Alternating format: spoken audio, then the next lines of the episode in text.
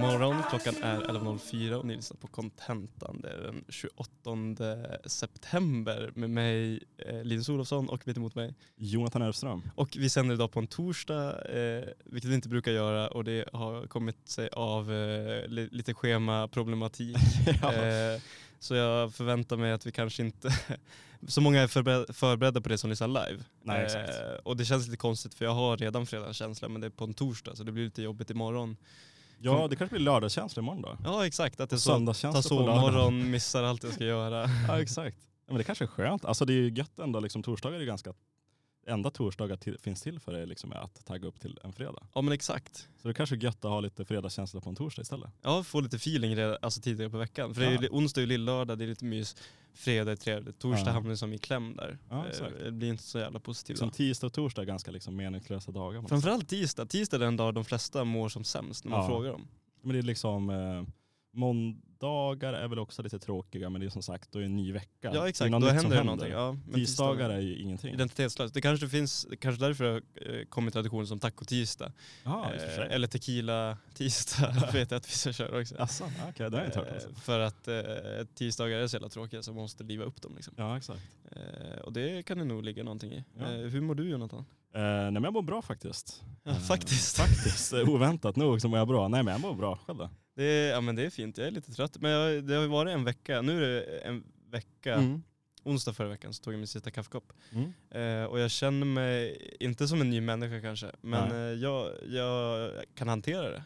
Vad är det för nya, hur har upplevelsen varit att inte dricka kaffe nu på en Den, vecka? den största skillnaden har varit att eh, jag sover mycket bättre. Är det sant? Eh, alltså det är en tydlig skillnad Mm. eh, faktiskt. Jag, alltså insomnandet framförallt. Mm. Jag kan ha lite svårt ibland med själva insomnandet. Jag Mm. kan ligga och, och vaka. Ja just det, ja, Och- den är jobbig alltså. Ja exakt. Det här stadiet mellan att sova och inte sova där man liksom, Exakt. man Exakt. kan liksom ibland, liksom vissa nätter att man ligger som i en jävla dvala, man vet inte om man sover eller inte. Det är man, är jag får alltid så Ja. mycket i huvudet Ja, så här, verkligen. om typ vad man ska imorgon eller typ om livet och, då, Ja. och så kan man spela iväg och så blir det ingen sömn. Exakt. Men nu somnar jag på 10 minuter max. Spännande. Ja, eh, det är skönt. Och sen eh, allmän trötthet, men det är ganska väntat. Mm. Det börjar bli bättre nu de Ja. här dagarna. Det jag märker är att eh, så länge jag gör någonting då tänker jag inte på det. Mm.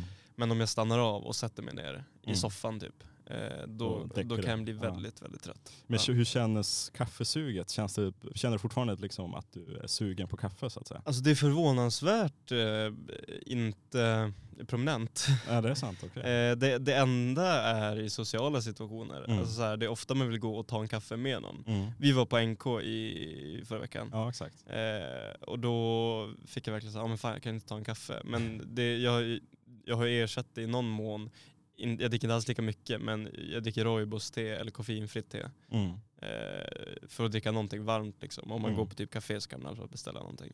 Men jag dricker avsevärt mindre te än vad jag gjorde kaffe innan. Okej. Men ungefär som de som slutar snusa och liksom ska försöka hitta ett substitut till just snusandet. Ja, exakt. Stoppa liksom en eh, bit ingefära under läppen och grejer bara för att få en, någon slags känsla.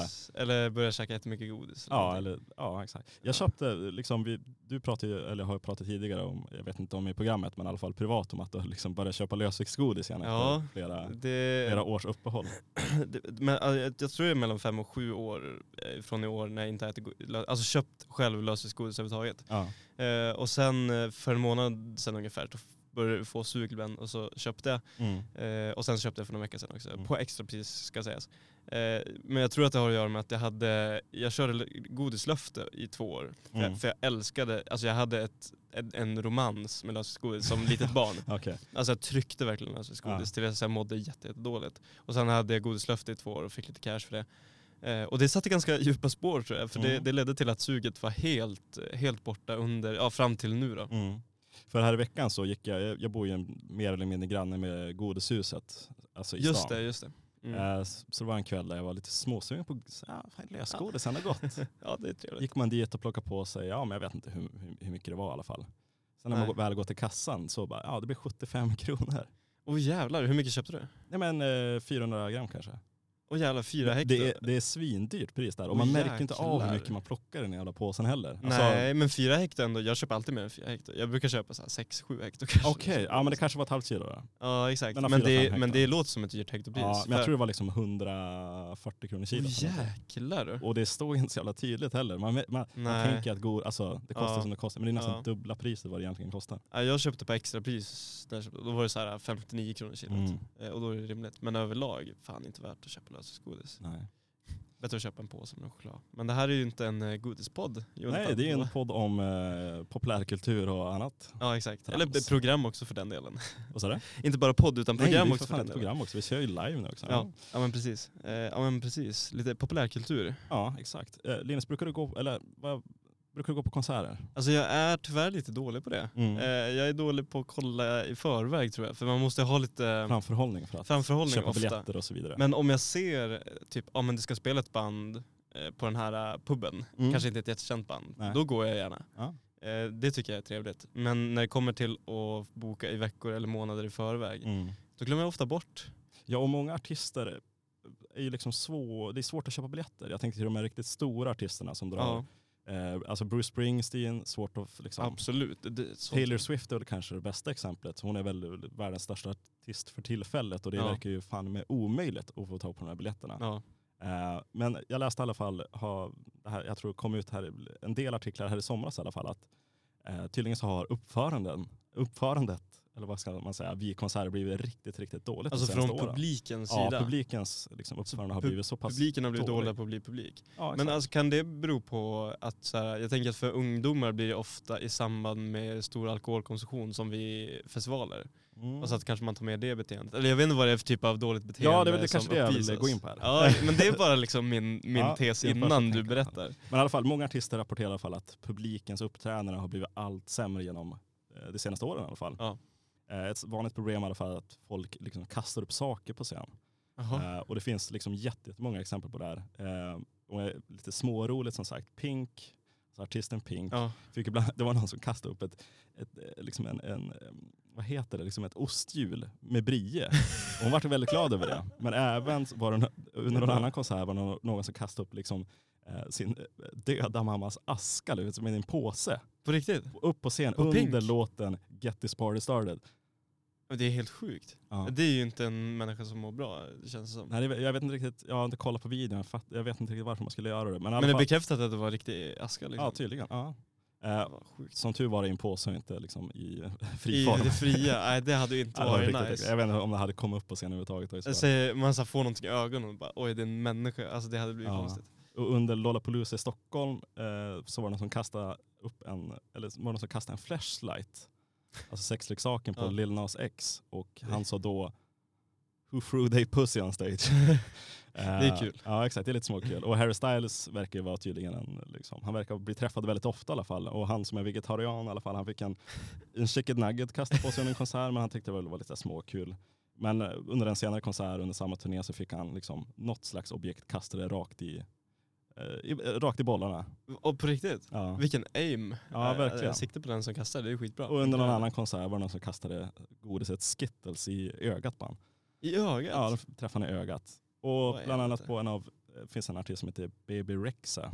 Eh, på en jag känner till. en av hennes kom, konserter här i sommar var någon som kastade en mobiltelefon i ansiktet på henne. Oj, det måste ha gjort Vilket ont. gjorde att hon fick en blåtira samt fick sy flera stygn i alla fall. Åh jävlar, ja det lät ju jävligt det här verkar vara ett, liksom ett problem som har kommit de senaste åren och det finns liksom en hel Wikipedia-sida just om kons, eh, liksom konsertbeteende på 2020-talet. På Där riktigt? liksom de radar upp exempel på när eh, liksom publiken kastar saker. Inte och kan bete- sköta sig. Nej exakt. Men vad fan, kastar man upp saker? Alltså jag förstår, de klassiska är väl Mm. blommor och trosor. Ja, Det respekterar man nog, det är bara lite skärmigt. ja på något sätt ändå. Eller kalsonger. Mm. Men, men alltså, kasta någonting som kan skada artisten, varför är det då på konserten? Ja det finns, tänka? en slags, det finns ingen respekt på något sätt. Nej, men alltså då, för om du är i publiken då har du ändå köpt en biljett och betalat Ja. pengar till Obviously artisten. så gillar du artisten. Ja, du så varför ut. ska du vara oskön Mm. mot den? Men i alla fall många artister och liksom, självklart deras säkerhetspersonal är ju såklart liksom, oroade över detta problem. Ja. Och det är Men det är svårt med typ så här telefon, för du kan ju inte muddra alla och bara du får inte ha med telefonen. Nej. Det är ju orimligt. men i alla fall många anser ju att liksom, publiken försöker vara liksom, en del av konserten istället för att bara uppleva den själva. Och Mm. mycket av det här kan ju såklart vara kopplat till social, sociala medier, att liksom, man, man vill, bli, vill bli viral och liksom, och... man vill ja, posta en video där man liksom, gör någonting för att Kolla, få kolla vad ball jag är som Ja. gör den här grejen. Ja eller liksom, nu fick jag Taylor Swifts uppmärksamhet på något Just sätt. Hon såg mig. Ehm, som sagt, uh, liksom en tid av TikTok, Instagram och Twitter liksom, verkar ju konserter mer handla om att få liksom, konkurrens om att få uppmärksamhet istället för att liksom, lyssna på livemusik. Men det måste vara ganska sköra individer som känner nu, jag, Mm. jag kommer liksom interrupta hela den här konserten bara för att jag ska få lite uppmärksamhet. Exakt, det här handlar om mig nu. Ja, det, det känns som att man har jävligt skör själv, självkänsla. Ja, exakt. Och ett problem som sagt, som har, det har väl varit ett problem under ganska lång tid, med att mer och mer folk blir upptagna av filma och liksom ta bilder För jävligt. på konserter. Och jag förstår självklart att man vill kanske ta en bild eller två, liksom, eller ta en liten video som sagt. Men när man Mm. börjar liksom filma hela jävla konserten och förstör för andra som liksom också vill se konserten så förstör man hela syftet med livemusik på något Det sätt. försvinner. Ja. Det är liksom fler och fler artister som börjar liksom förbjuda att man inte får ta med mobilen in eller att de har någon slags lösning där man stoppar mobilen i en slags säkerhetsficka Mm. ungefär och sen låses den upp efter konserten. Okej, det låter spännande. Men alltså, jag vill också göra ett instick bara. Mm. Alltså folk som lägger ut på deras Instagram stories eller Snapchat stories och så är det typ så här fem minuter med bara konsert. Exakt, det är man fruktansvärt. Man märker liksom blipparna blir liksom, är så små. Ja exakt, vad får jag ut av det här? Jag har inte varit på konsert, jag förstår att du har varit, men det hade räckt med en bild En eller bild ett klipp eller- på fem sekunder. Exakt. Då Det hade jag räcker. varit nöjd. Det räcker. Men varför, varför ska du ha med varenda jävla låt? Mm. Vill inte du också uppleva konserten du är på istället för att Exakt. bara titta alltså, på när du filmar? Och- Jag, det förstår jag inte. Nej exakt, och bland annat artisten Mitsk i alla fall skrev på Twitter förra året att hon skrev så här att ibland när jag ser människor filma hela låtar eller hela set får det mig att känna som att vi inte är här tillsammans. Ja, ja men exakt, du förstår ju den här gemenskapen. Mm. Man, man, då är man ju inte i situationen genom andra människor. Nej exakt. Och det är det man borde vilja om man vill komma ihåg det att det ska betyda någonting. Exakt, för liksom, går man på konsert så är det ju för att man vill uppleva någonting som man inte kan göra annars. Exakt. Men om du bara, äh, om det bara är genom klipp och mobilen du upplever saker, då Mm. upplever du lika mycket som folk som ser det på internet senare. Alltså så ja, här, exakt. du, får inte ut någonting av det. Nej exakt. Skumt. Och i alla fall det här, de här problemen som har väl kommit, att många tror att det problemet började efter pandemin, att liksom det är folk som har tappat det liksom efter pandemin. Oh, att det är lite har- FOMO-grej. Ja, men de har inte kunnat gå på konserter under Nej. längre tid och liksom vet typ inte hur fan man ska bete sig längre. Nej. Och många även som liksom inte hade kunnat, de var kanske för unga för att gå på konsert, har blivit gamla nog nu efter pandemin och liksom har kanske inte liksom fått en bild av liksom vad etiketten Vad är. kutym är liksom. Vad, vad är kutymen att, liksom, när man går på konsert? Men Ehm, det, det kan inte vara lite också att man har här, missat massa konserter under pandemin, Mm. så när man väl har chansen att vara på en konsert så måste det bara, fan men nu ska jag, tar nu ska jag komma ihåg det Ja. här, nu ska jag visa upp att jag faktiskt är. Ja exakt och nu när liksom konsertbiljetter blir allt dyrare och svårare att få tag på så kanske liksom, då känner man en slags, det är mer rätt att göra det här på något sätt. Ja. Det här är liksom, jag har betalat dyra pengar, jag är en av de få som faktiskt får gå hit och ska fan göra Ja. vad fan jag vill. Passa på. Men det är ju så jävla självcentrerat jag. Ja exakt och jag tror ett problem också att liksom, under pandemin och liksom även innan det såklart är att många, många fans har liksom börjat vad man säga, forma mer parasocial relation till, alltså med artisten. Mm, mm, mm. Att under pandemin så när man inte kunde spela live och sånt där så kanske det var mycket mer direktkontakt med, med fans, det var live liksom, spelningar Ja. på nätet, det var Ja. mer, man chattade tillsammans. Att det blev Exakt, mer annan- interaktion den Mm. vägen. Exakt, Ja. mer interaktion den vägen. Att då kanske man, vad ska man säga, man gör den här parasociala relationen. Att det här är mer rätt, vi, vi känner ju varandra på något Ja. sätt. Jag är ju fan av dig. Liksom. Och sen när man väl ser Pink på scen så kastar man upp eh, Sin morsas aska. det, det är nog det extremaste av de här Ja, exemplen du har dragit. Alltså det är... Det är så pass sjukt alltså. åh. Jag, nej, jag förstår verkligen inte den här grejen att man ska kasta upp saker. Speciellt inte liksom, vad fan, absolut som du sa att man kastar rosor eller man kastar Underkläder. underkläder eller liknande. Jag förstår, det är ganska sjukt. Jag tycker man inte ska göra det heller. Men det är ju mer acceptabelt. Men, men, ja, men om jag hade varit artist och det hade kommit upp lite underkläder på scen, Mm. då hade nog bara tyckt det var lite roligt och charmigt. Ja, alltså, och det förstör ju kanske inte tajmingen i konserten. Nej, men, men om man får en telefon i ögat ja, och måste sy, liksom, det är ju en exakt, helt annan grej. Exakt. Också så här, om folk väl ska börja kasta upp saker, alltså, Mm. ing, av de sakerna du har nämnt, ingen har kastat en tomat. Var är tomaterna? Det är det mest klassiska. Men det är mer liksom, det är mer liksom hånande och hatande på något sätt. ja men om man kastar en telefon i någons ansikte det är också hånande och hatande. Ja, exakt, Bättre med en tomat då, då blir det i alla det- fall liksom mjuk. Exakt, jag tror inte tanken var liksom att träffa personen utan det är liksom, Nej, jag kastar upp kanske inte. mobilen för att personen kanske ska, liksom artisten ska filma Ja. eller liksom göra något roligt av Ja, det. är sant, det är sant. Eh, Men det är ju roligt, det hade varit roligt om någon kastade en tomat i kärlekens syfte. Ja, det hade jag kunnat tycka var uppfriskande. Men jag tycker som sagt, kom ihåg att vara schysst både mot artisten och mot liksom, de andra som är på konserten. ja, publiken också. Förstör inte skiten Men för visa respekt är väl A och O i etikett. Eh, när man ska lyssna på någon. För Mm. det är ju verkligen någon som visar upp eh, sitt, sitt inre liv. Ja exakt. och du har betalt pengar för det. Varför ska du komma där och ta plats för, för det uppträdandet? Mm. Det blir jättekonstigt. En, så- alltså jag var, liksom, när jag var i min ungdom så var man ju en del på liksom, metalkonserter och grejer. Liksom, Mm, lite mm, mer mm. röjiga liksom, små konserter.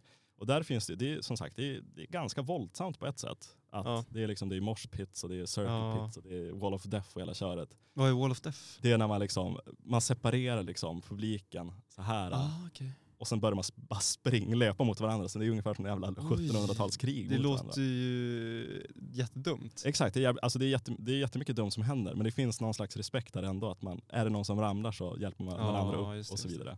Men eh, såg du det här, äh, Brännbollsyran i år blev ju väldigt hyllad av eh, artister som var där och internationella alltså så här, eh, danskonton och, eller musik festivalkonton. Ja exakt. För att vi var så jävla bra publik. Ja. Eh, I och med att vi var så otroligt taggade. Och när man såg klipp, det såg fan otroligt ut. Ja, för faktiskt. alla står och studsar. Hur länge? På varje artist typ. ja, och liksom det är från front row till back row. Alltså det är Exakt, fan alla. exakt. Så det, det, den, eh, den höra. blev ju jättehyllad. Ja. För att alla bara, hur fan kan folk vara så taggade i Sverige? exakt. Sverige är helt sjukt bra publik. Liksom. Men det var väl Beyoncé, hon hade väl någon konsert här i, eh, i somras eller, Ja. eller våras eller någonting. Ja. Där hon liksom eh, ratade den svenska publiken. Ja, okej. kanske, men det kanske är att Umeå-publiken är lite Ja, det är bättre. ju med publiken som Jag är tänker, speciell. för norrlänningar kanske är lite mer lugna. lite långsammare. Ja exakt, men, kanske, men det är konstigt om man är taggad i så fall. Om Ja. vi är långsamma och... ja men då kanske det blir att man bara studsar som norrlänning. Ja. Istället för att Ja. man eh, kör en wall of death. Ja. Jag kommer ihåg när jag var på en konsert, eh, såg Mac DeMarco i London.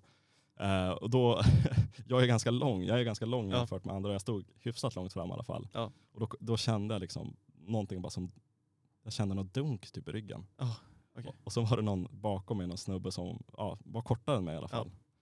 Liksom som, han la som bara huvudet på min rygg ungefär.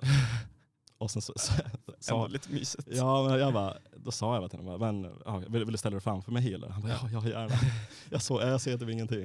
Ja, men, som sagt, visa, fint ja, men visa respekt liksom, var schysst. Ja, Fattar men se till att alla har det trevligt. se till att alla har det trevligt. Ja. Och eftersom, jag tog upp flera exempel här på Harry Styles, Ja, så tycker jag vi kan spela lite Harry Styles. Och han, han har ju faktiskt en låt som heter Treat people with kindness. ja men det Så det känns ju jättepassande. Ja. Så vi kör Treat people with kindness med Harry Styles.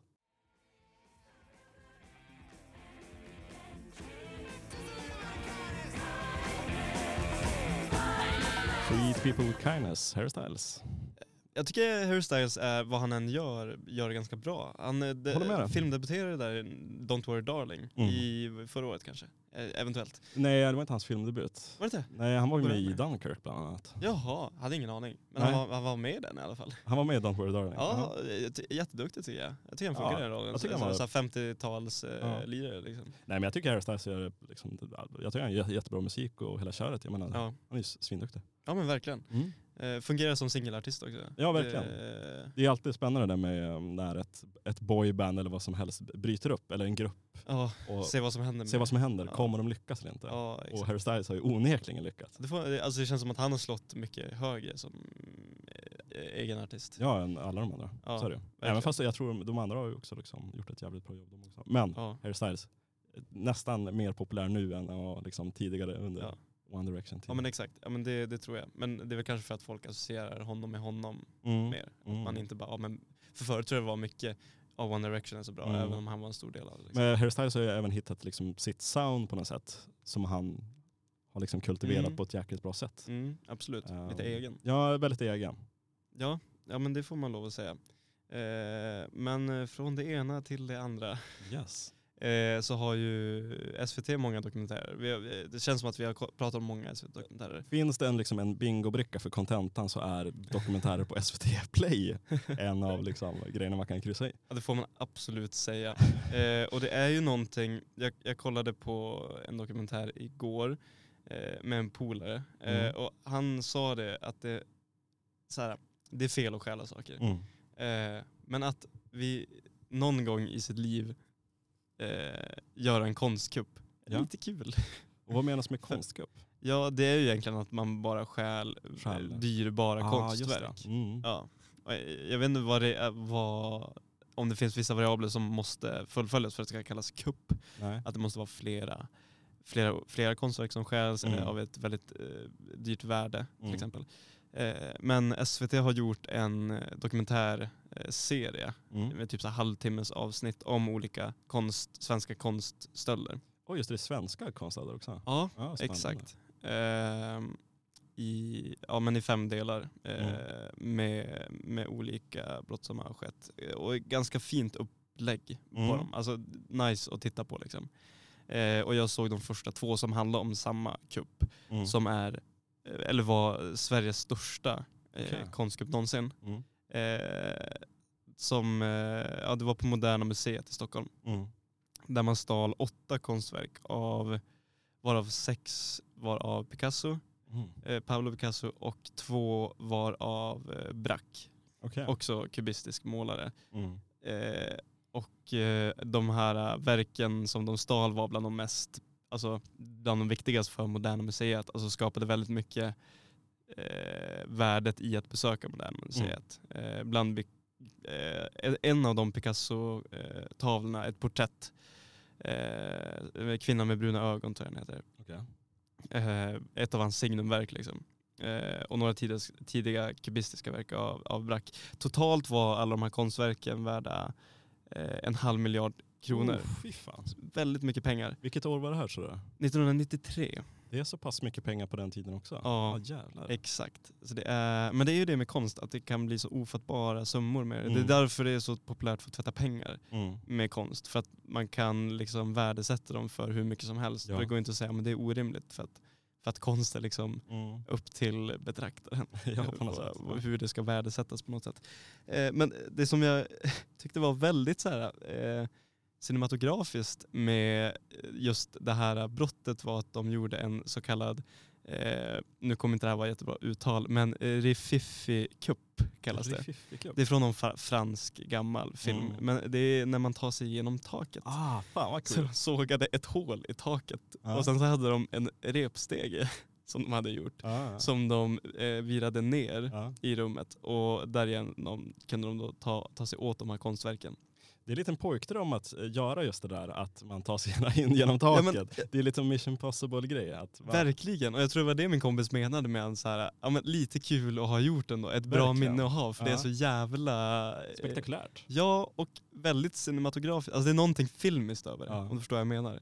Att ha så här en helt svart dräkt och så att man, det klassiska är att man viras ner med, en, med ett rep som fäster i ryggen liksom. Ja, exakt. Och eh, det känns jävligt Tom Cruise. Ja, exakt. Det är lasrar som korsar varandra, man ska försöka komma igenom dem. och det- Exakt. Ja. Men tydligen var det så att de hade, på den här tiden så var larmsystemet synligt på Moderna Museet. Okej. Eh, så de hade bara varit och rekat tidigare Mm. och sett att typ, ja, men här är det inte larmat, eller vi kan lösa det här på något Mm. sätt. Jag vet inte exakt detaljerna, men det var väldigt lättillgängligt. Det känns jävligt dumt. En del liksom, med att ha larm är väl att liksom, man ska inte veta vad fan som, Exakt. hur man bryter sig in. Exakt, Ja, så det var väl någonting de ändrade på efter den här incidenten. Exakt. Eh, men eh, det var ett gäng ja, män, eh, de var fem, sex stycken tror jag. Mm. Eh, fem som var och hjälpte till att såga upp det här hålet. Och det var inte så jättebra planerat. De började såga, sen gick sågen de hade sönder. Okej. De vad fan ska vi göra nu? Och så var de tvungna att klättra ner, klättra in i någon traktor som stod i närheten. Det låg, råkade ligga en, en såg. Okej. Alltså en vanlig, eh, Handsåg liksom. en, en vanlig handsåg och så Ja. fortsatte de med den och det funkar. Shit, alltså. Det Eh, tur. ja, jävligt tur. Eh, men eftersom larmet var på var det ingen som såg dem och så kunde de bara köra därifrån. Right. Eh, så hade de en eh, knasvakt kallar de det. Och det var om det skulle hända någonting så sitter en kille i en bil utanför, han läste tidningen typ. Mm. Och den här snubben har de fått med i dokumentären. Så det var Shit. det, var det jag la ut på storyn idag som bild. Han som sitter med en skylt Ah, okej. framför. Just det är den tavlan som blev stulen också. Okej. Och han är med och intervjuar liksom. Ja. Eh, och just han blev aldrig tagen för det här. Alla de andra blev eh, dömda. Mm. Men han kom undan. Och han satt häktad jättelänge men de kunde inte hitta något bevis för att han var delaktig. Ja, ja. Eh, Så då fick han ju istället kompensation för att han varit häktad så länge. Soft. Och han sa ju det, bara, ja, men det, det är väl klart att det är fel att jag tar de pengarna men jag kunde inte säga nej jag vill inte ha dem, det Nej, hade blivit exakt. för suspekt. Liksom. Ja, såklart. Eh, och han sa också att så här i efterhand förstår han att det är fel, eh, han skulle inte göra om det. Men jävligt kul att ha gjort det. han. Det var en upplevelse, det var ett minne för Ja. livet. Exakt. Men storyn blev lite, lite mer intressantare eh, efter ett tag för Clark Olofsson är med också. Okej. Eh, efter, ja, för de säljer vidare de här konstverken för de måste hitta någon som kan Mm. ha dem liksom. Och då hade Clark Olofsson under en period alla tavlor. Enligt jävlar. påstår han själv. Ja, han, han är ju en eh, lögnare av rang. Så Ja det får man nog säga. Säga. Och sen så sålde han dem vidare. Mm. Eh, och sen så börjar Tommy Lindström som var för detta polischef i Stockholm under den här tiden. Han är också en karaktär i den här eh, dramatiseringen om Clark Olofsson som vi inte ska gå in jättemycket på. Men de har en långvarig relation som tjuv och polis. Just det, just det. Eh, de här. Och Gamla Tommy, Sverige. ja verkligen. Det känns som att man kollar på Kling och Klang. För den här säkerhetsvakten Ja. på museet, eh, Kjell eh, Hestell heter Ja. han. Så jävla kul att hans namn rimmar. Det låter så påhittat. Ja. Ja exakt.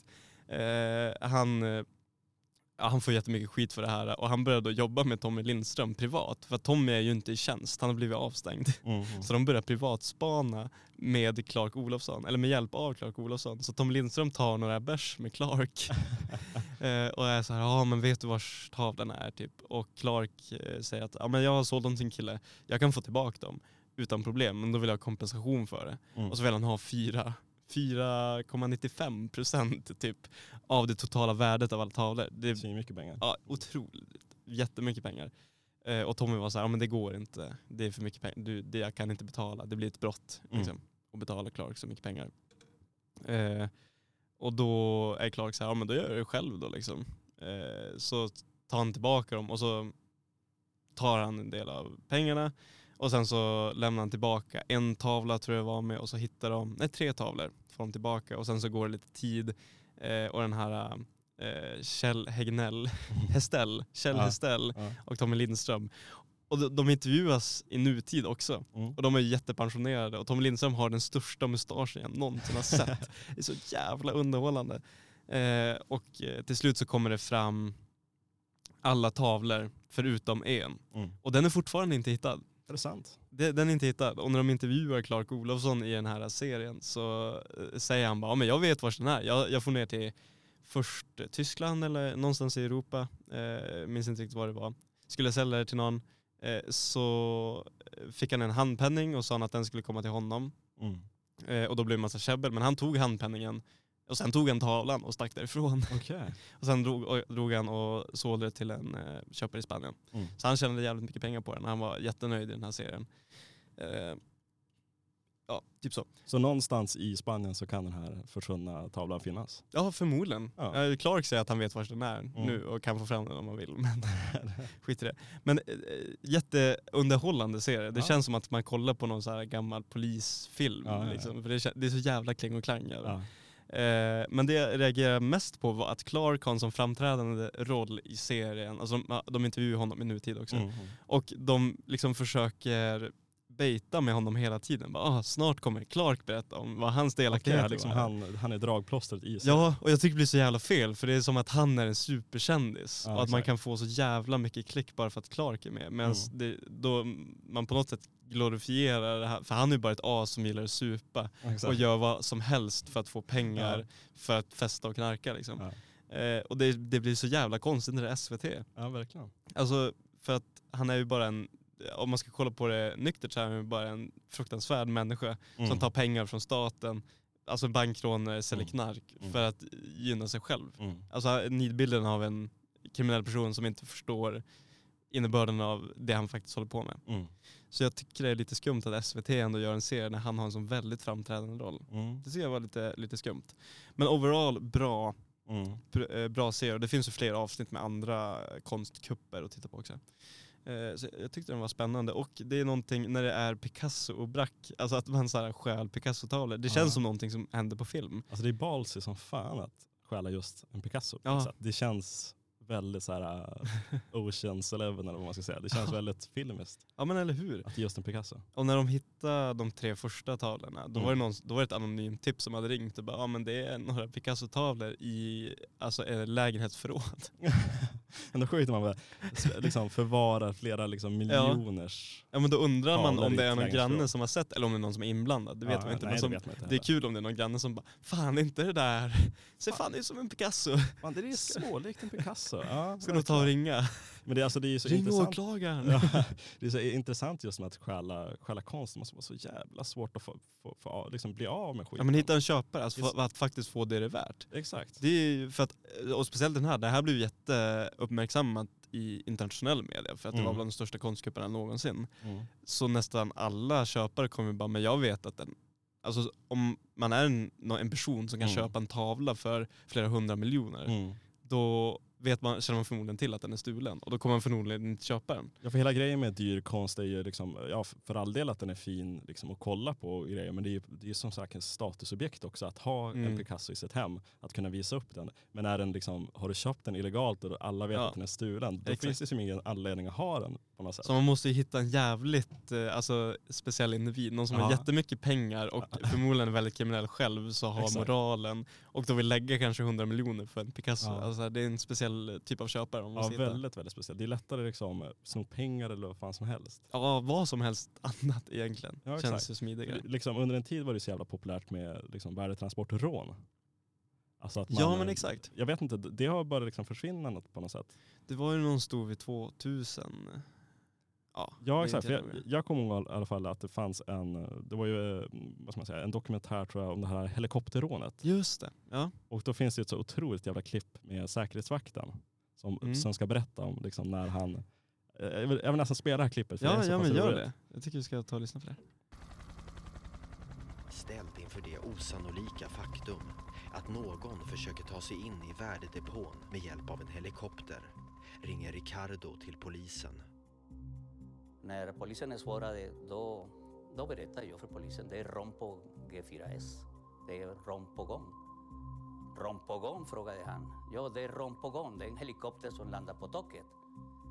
Och han, han kunde inte tro. En helikopter på taket. Jo, en helikopter på taket, sa jag. Det är Ron på Det är gång. Ron på gång. Ja, det är en otrolig, Ron på otrolig liten gång. video i alla fall. Han, han kan inte tro. Jag kan inte tro sina öron. Han förstår ingenting. Nej, ja, det är intressant där just med um, liksom, kupper och grejer. Det är sjukt spännande. Men helikopterrånet, var det med han Dragomir? Han var ju med delaktig i något stort svenskt rån. Ja det kan fan vara det. Och Eh, det fanns som en, skådespelare sen. ja exakt, det fanns ju även en liksom, hiphopartist som heter eller som kallade sig för Abidas. Okej. Som var inne liksom gjorde något stort rån mot någon Adidas. Liksom.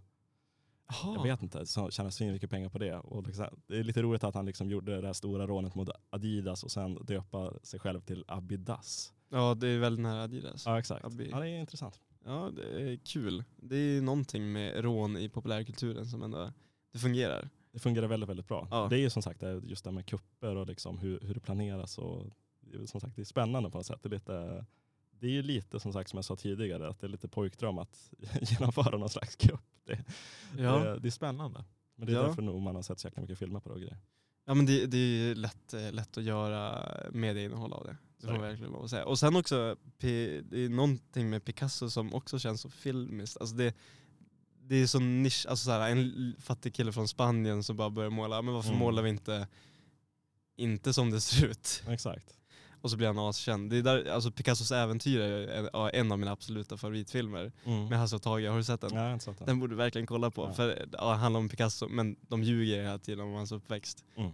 Alltså, det är svensk humor, den är som absolut bäst skulle jag vilja påstå. Hasse och Tage. och alltså. mycket bara dum humor liksom. Eh, typ när ja, men så här, farsan dör vid något tillfälle som spelas av Hasse Alfredsson. Och morsan är jättesorgsen och sen på begravningen så stiger han bara upp ur kistan. Det visar sig att han inte var död. Och då blir morsan förbannad. Bara, Fan du är död, du är muerte, muerte, ner i kistan. Vad håller du på med? Du är död, jag ska vara ledsen. Ja. Det är många roliga scener. Kan rekommenderas också. Finns, finns fortfarande på SVT Play va? Eh, jag tror det. Ja. är den, jag såg om den ganska nyligt. Just det. Eh, så jag tror att den finns kvar faktiskt. Klassisk scen när ett, tåget ska köra, ett tåg ska köra iväg någonstans. Han ska dra från byn. Och så drar det iväg, man ser tåget liksom från sidan. Mm. Och så åker det iväg på bredden om man Jaha, säger. okej, alltså det ja. följer inte tågets färdriktning. Det känns lite som en svensk Monty Python. Ja, väldigt mycket så. Mm. Eh, kan rekommendera. Eh, men den här, eh, det kanske är dags för lite musik. Eh, kan jag känna. Eh, och eh, Clark-serien, eh, som jag har pratat om tidigare i den här podden tror jag. jag Mm. eh, jättevärd att se bra klipp liksom. Men eh, också underskattad mu- musik till den serien. Hela Ah. spellistan är väldigt Alltså det är en bra, bra blandning, mycket gammalt, lite nytt också. Mm. Bra låtar. Bland annat Maria, många mil och år från här med John Holm. Så jag tycker vi tar och lyssnar på den.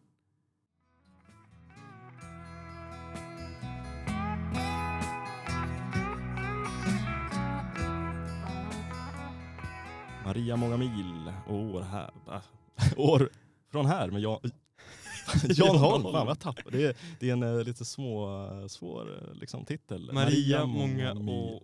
Nej, Maria många mil och år här, från här. Från här, just det. Fan vad svårt det var. Ja, men det är en jävligt bra låt. Jag Ja, älskar, mysig. älskar gitarrspelet och bra text. Liksom. John Holm, det, det känns som ett namn som man har på minnet. Man känner typ igen det, men det är den enda låten jag känner till med honom på Ja. arm i alla fall. Eh, Jag såg att Ulf Lundell hade gjort en version av den också, men den var inte lika bra. Alltså det, eh, Ulf Lundell-låtar blir ju bara Ulf Lundell liksom. Och Mm. eh, den här låten gör sig bättre i John Holms version. ja, Skulle jag vilja påstå. Men jag tycker om den. ja.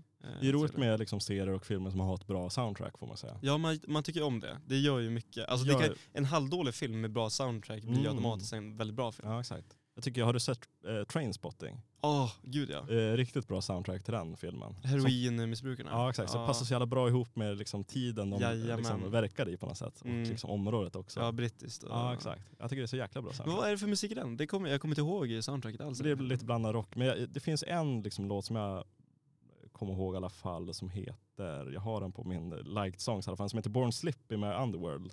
Okej. Eh, som är väldigt, väldigt liksom, det är det, nästan titelspåret på ungefär. Den får man ta och lyssna Ja. på då. Ja. Men den inledningsscenen till den filmen när de bara lubbar. Ja, eh, exakt. ikonisk. Ja, Och så in på den där toaletten som är fan det vidrigaste man har sett. ja, exakt. Den är så jävla bra.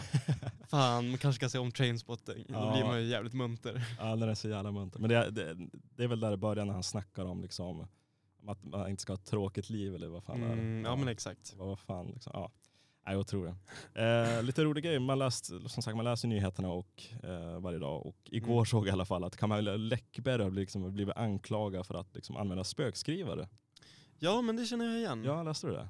Eh, alltså jag känner igen det. Ja, Det är allt jag kan Men säga. tydligen i alla fall. Det är tidningen Kvartal som har gjort liksom en granskning av Camilla, Camilla Läckbergs böcker i alla fall. Ja. Och de har använt något slags AI-verktyg för att liksom mata in hennes böcker och sen hitta som vilken style hon använder ungefär. Jaha. Det här är liksom Camilla Läckbergs skriv. Ja, men, så stil man kan identifiera Ja, hennes exakt. skrivpersonlighet. Ja exakt, och då har man liksom, genom det här AI-verktyget i alla fall kommer fram till att hennes senare böcker i alla fall skiljer sig liksom stilmässigt från hennes tidigare Mm. eh, liksom verk.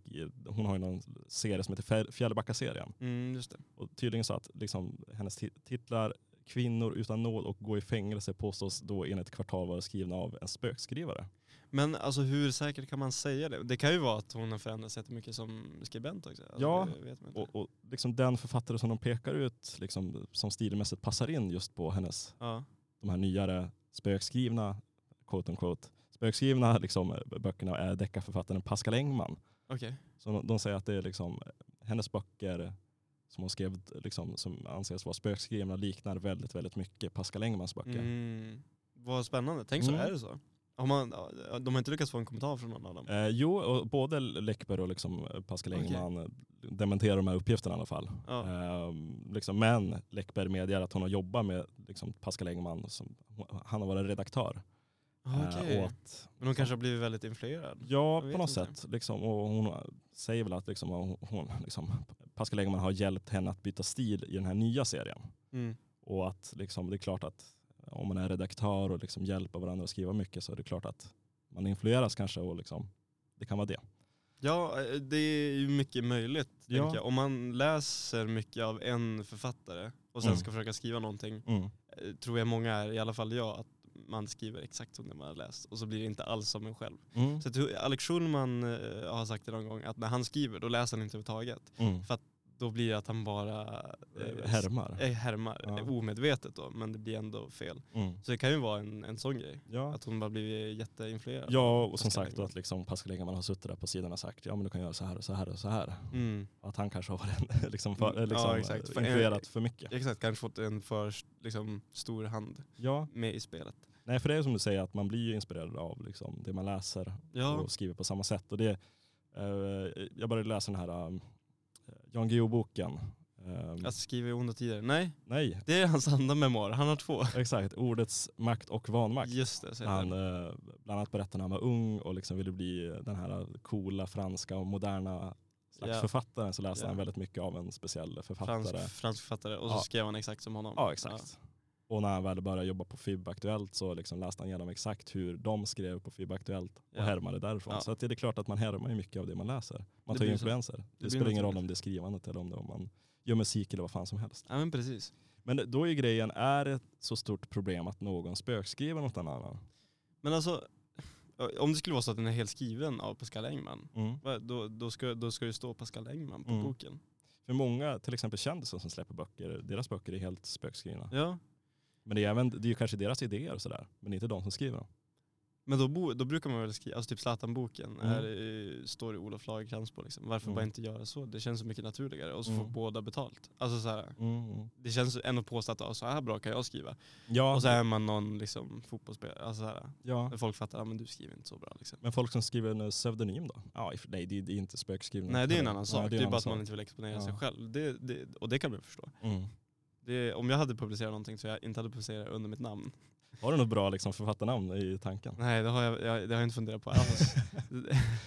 Ha det liksom- borde man ju ha, man borde, det är sånt, man ska ha liksom ett för, författarpseudonym och liksom Mm. ett porrskådisnamn Exakt. ifall att liksom. Ifall att. Ja. Liksom, agentnamn kanske också. Ja Om vi exakt, pratar om liksom exakt, kupper och grejer. exakt. Kul om alla de tre namnen är samma namn. Ja exakt.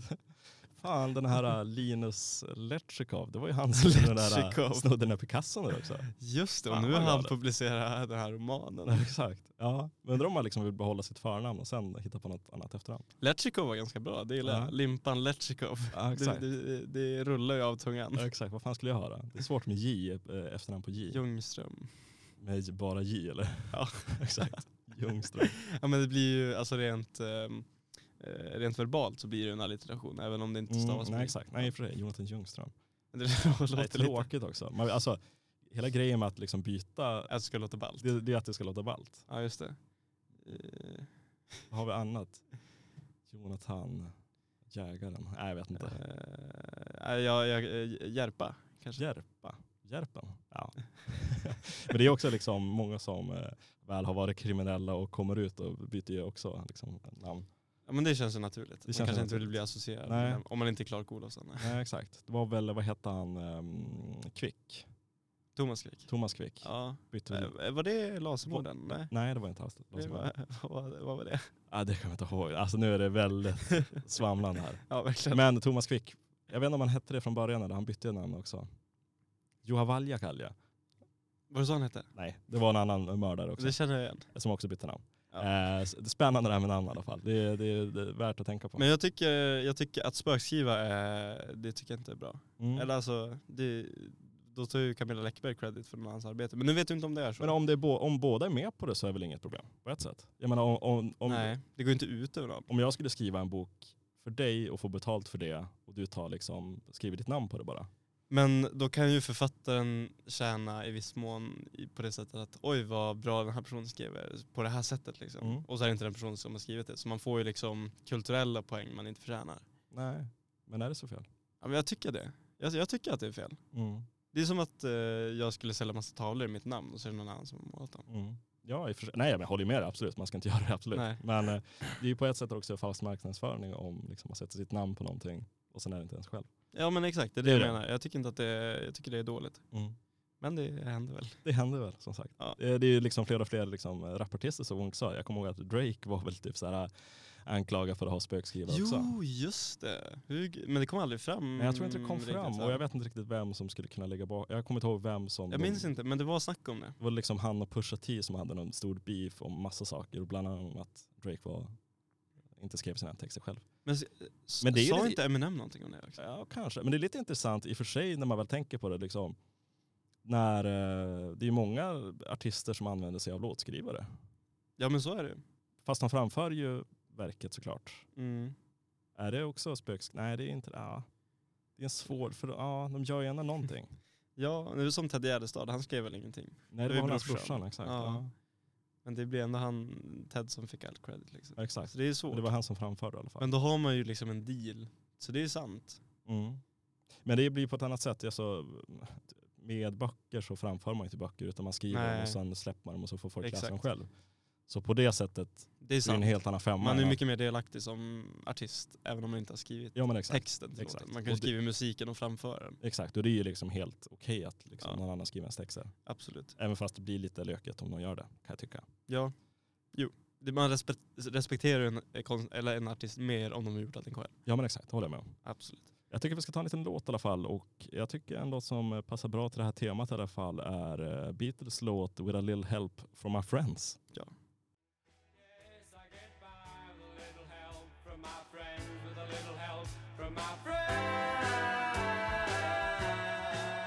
Friends. With a little help from my friends med The Beatles. Det gick bättre uttala den titeln. Ja, lite, lite enklare än den tidigare låten i alla fall. Men vad sa du, var det Ringo Det är- Starr som sjöng den? Det är Ringo Starr som sjunger där. Det är inte varje, varje Beatles-låt Nej exakt. sjunger. Det finns väl en som han gjorde som heter Octopus Garden tror jag.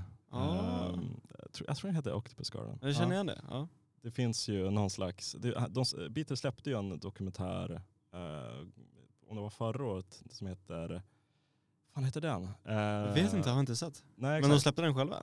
den är, ja, jag vet inte om de släppte den själva såklart, men det, det släpptes i alla fall en dokumentär om Beatles och när de skrev, liksom, jag tror det var sitt sista album. Okej. Eh, och den är så jävla lång. Eh, och liksom, Okej.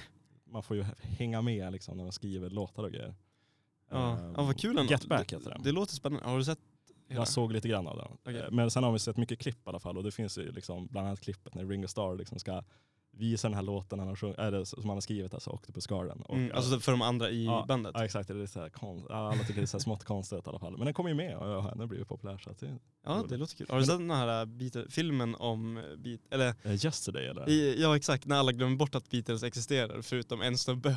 Så Och han- skriver han ner alla låtar och Exakt. blir askänd. Det är, det är, alltså det, jag har inte sett filmen men det är en rolig premiss. Ja det är en rolig premiss. Filmen är verkligen sådär. Och ibland har jag tänkt på just rolig. det där, tänk liksom om man hade en speciell artists liksom, hela repertoar framför sig, skulle man kunna liksom bli känd på något sätt? Ja, Jag hade nog inte, jag har inte den musikaliska talangen för Nej att för sig. För sig.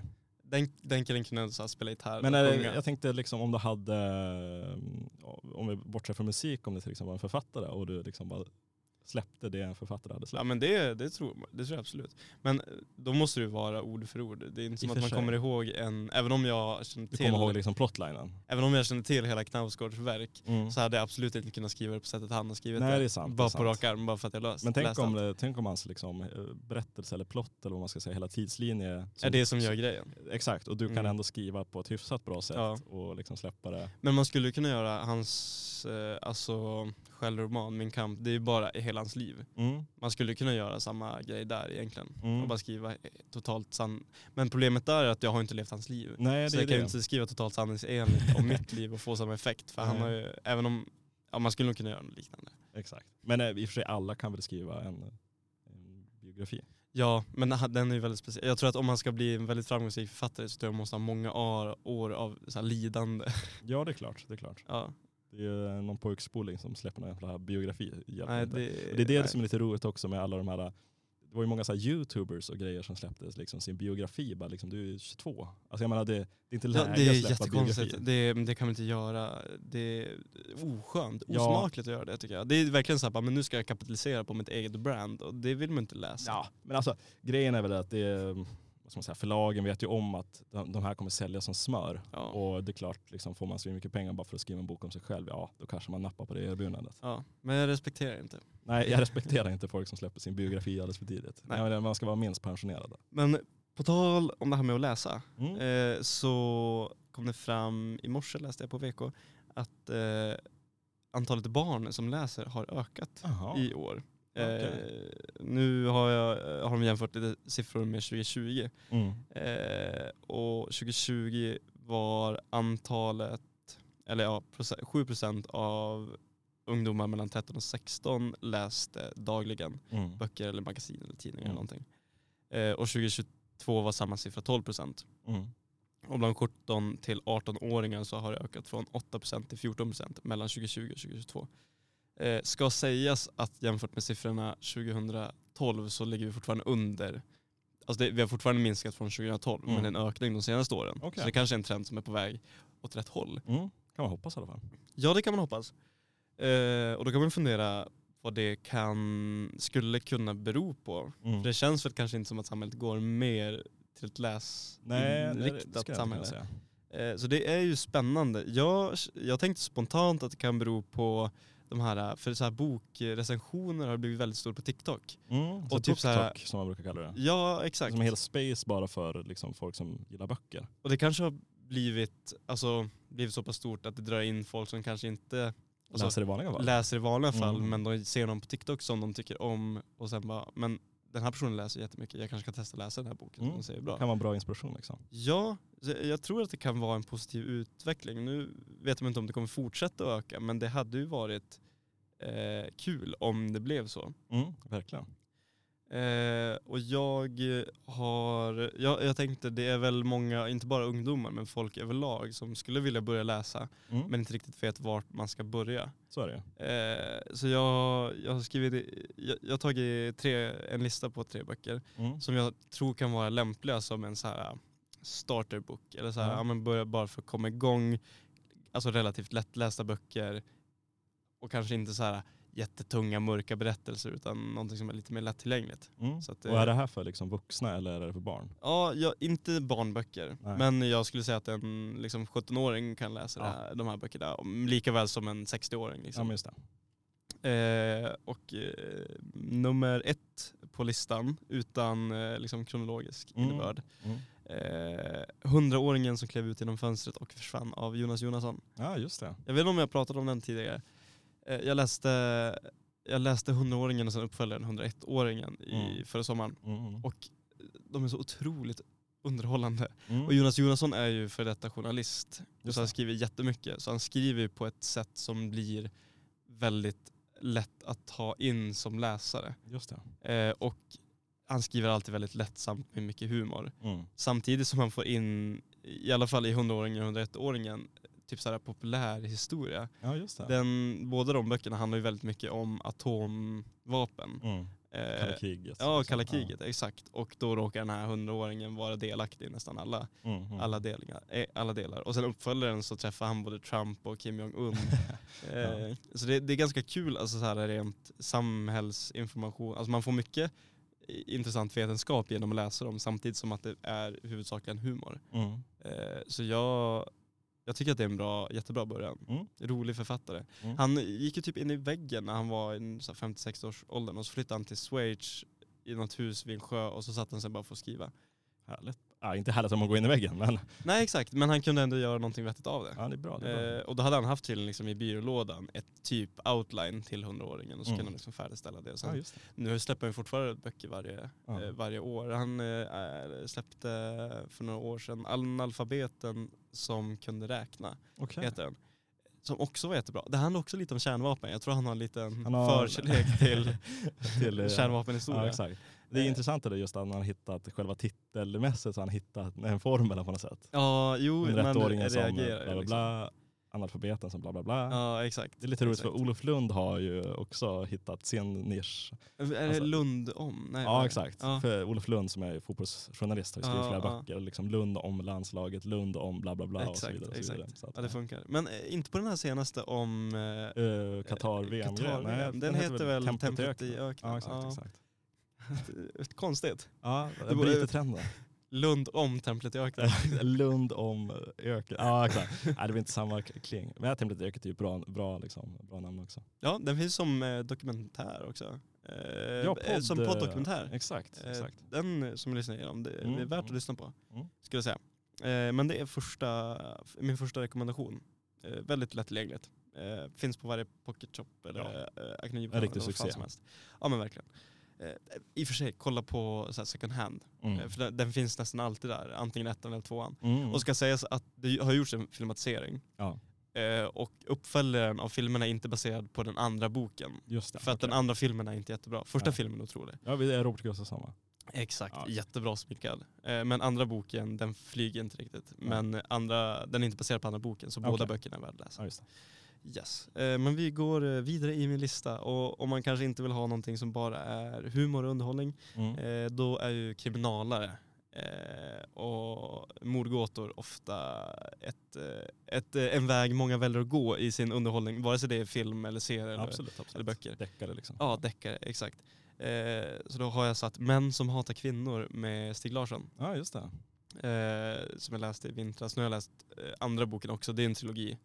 Eh, Umeåsonen, typ Stig Larsson. Han bodde väl här mellan eh, typ 10 och 20 års Mm. ålder eller någonting. Ja, exakt. Eh, och skriver, ja, det, nu har inte jag läst jättemånga deckare men det är överlägset det bästa i den genren jag har läst. För han Mm. skriver så inte helvete bra. Också tidigare journalist. Och jag tror att det spelar in väldigt mycket i sättet han skriver på. För han skriver väldigt kategoriskt och liksom utredande. Alltså, och väljer, liksom, om det kanske finns fyra karaktärer som är viktiga. Mm. Och så delar han upp varje deras tidslinje så man får lite av varje som man hela Mm. tiden på spänn vad som kommer hända.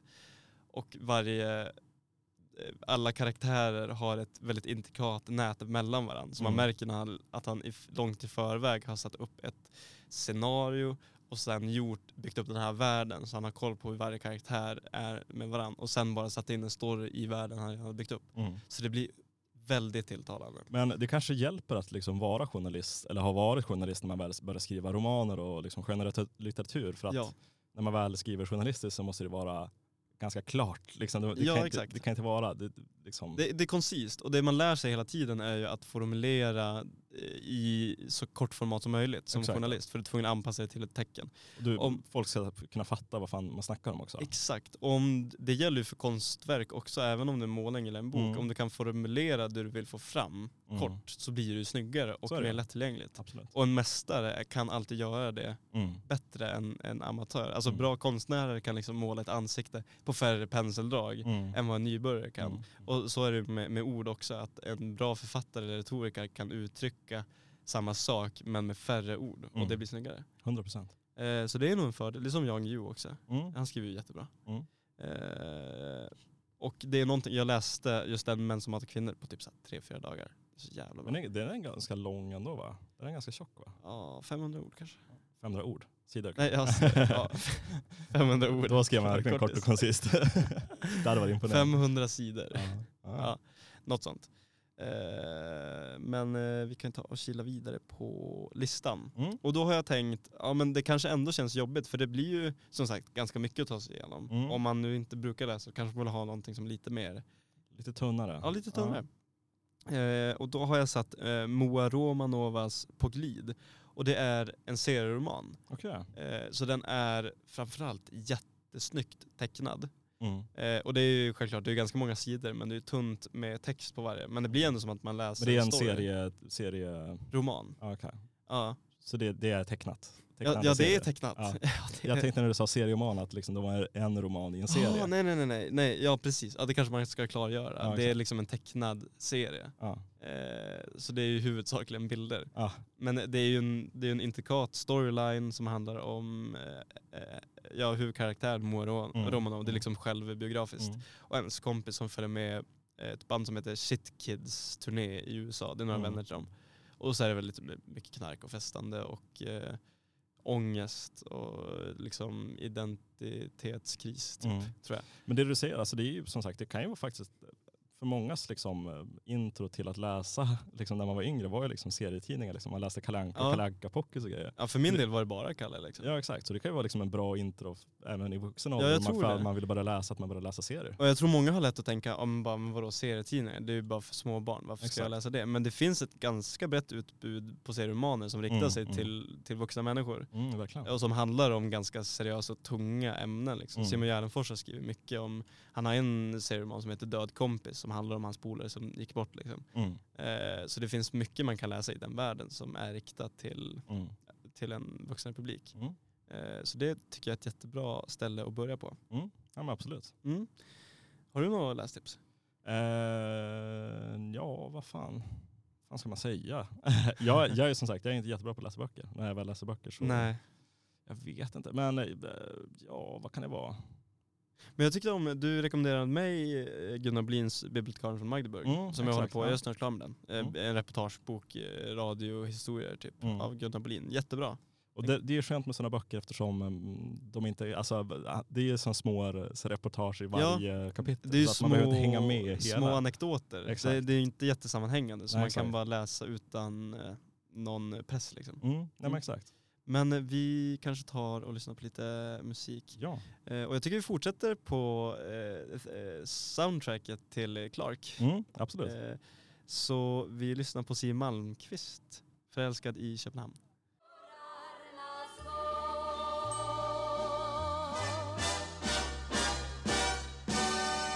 Förälskad i Köpenhamn, Siw Malmkvist. Man blir glad tycker jag. Eh, Ja. Det är någonting med så här gammal musik. Jag tänker så här, det finns inga problem. Nej. Även om vi vet i bakgrunden så bara ångar ut flytande kol. Liksom. Det bara kära rakt ner i havet.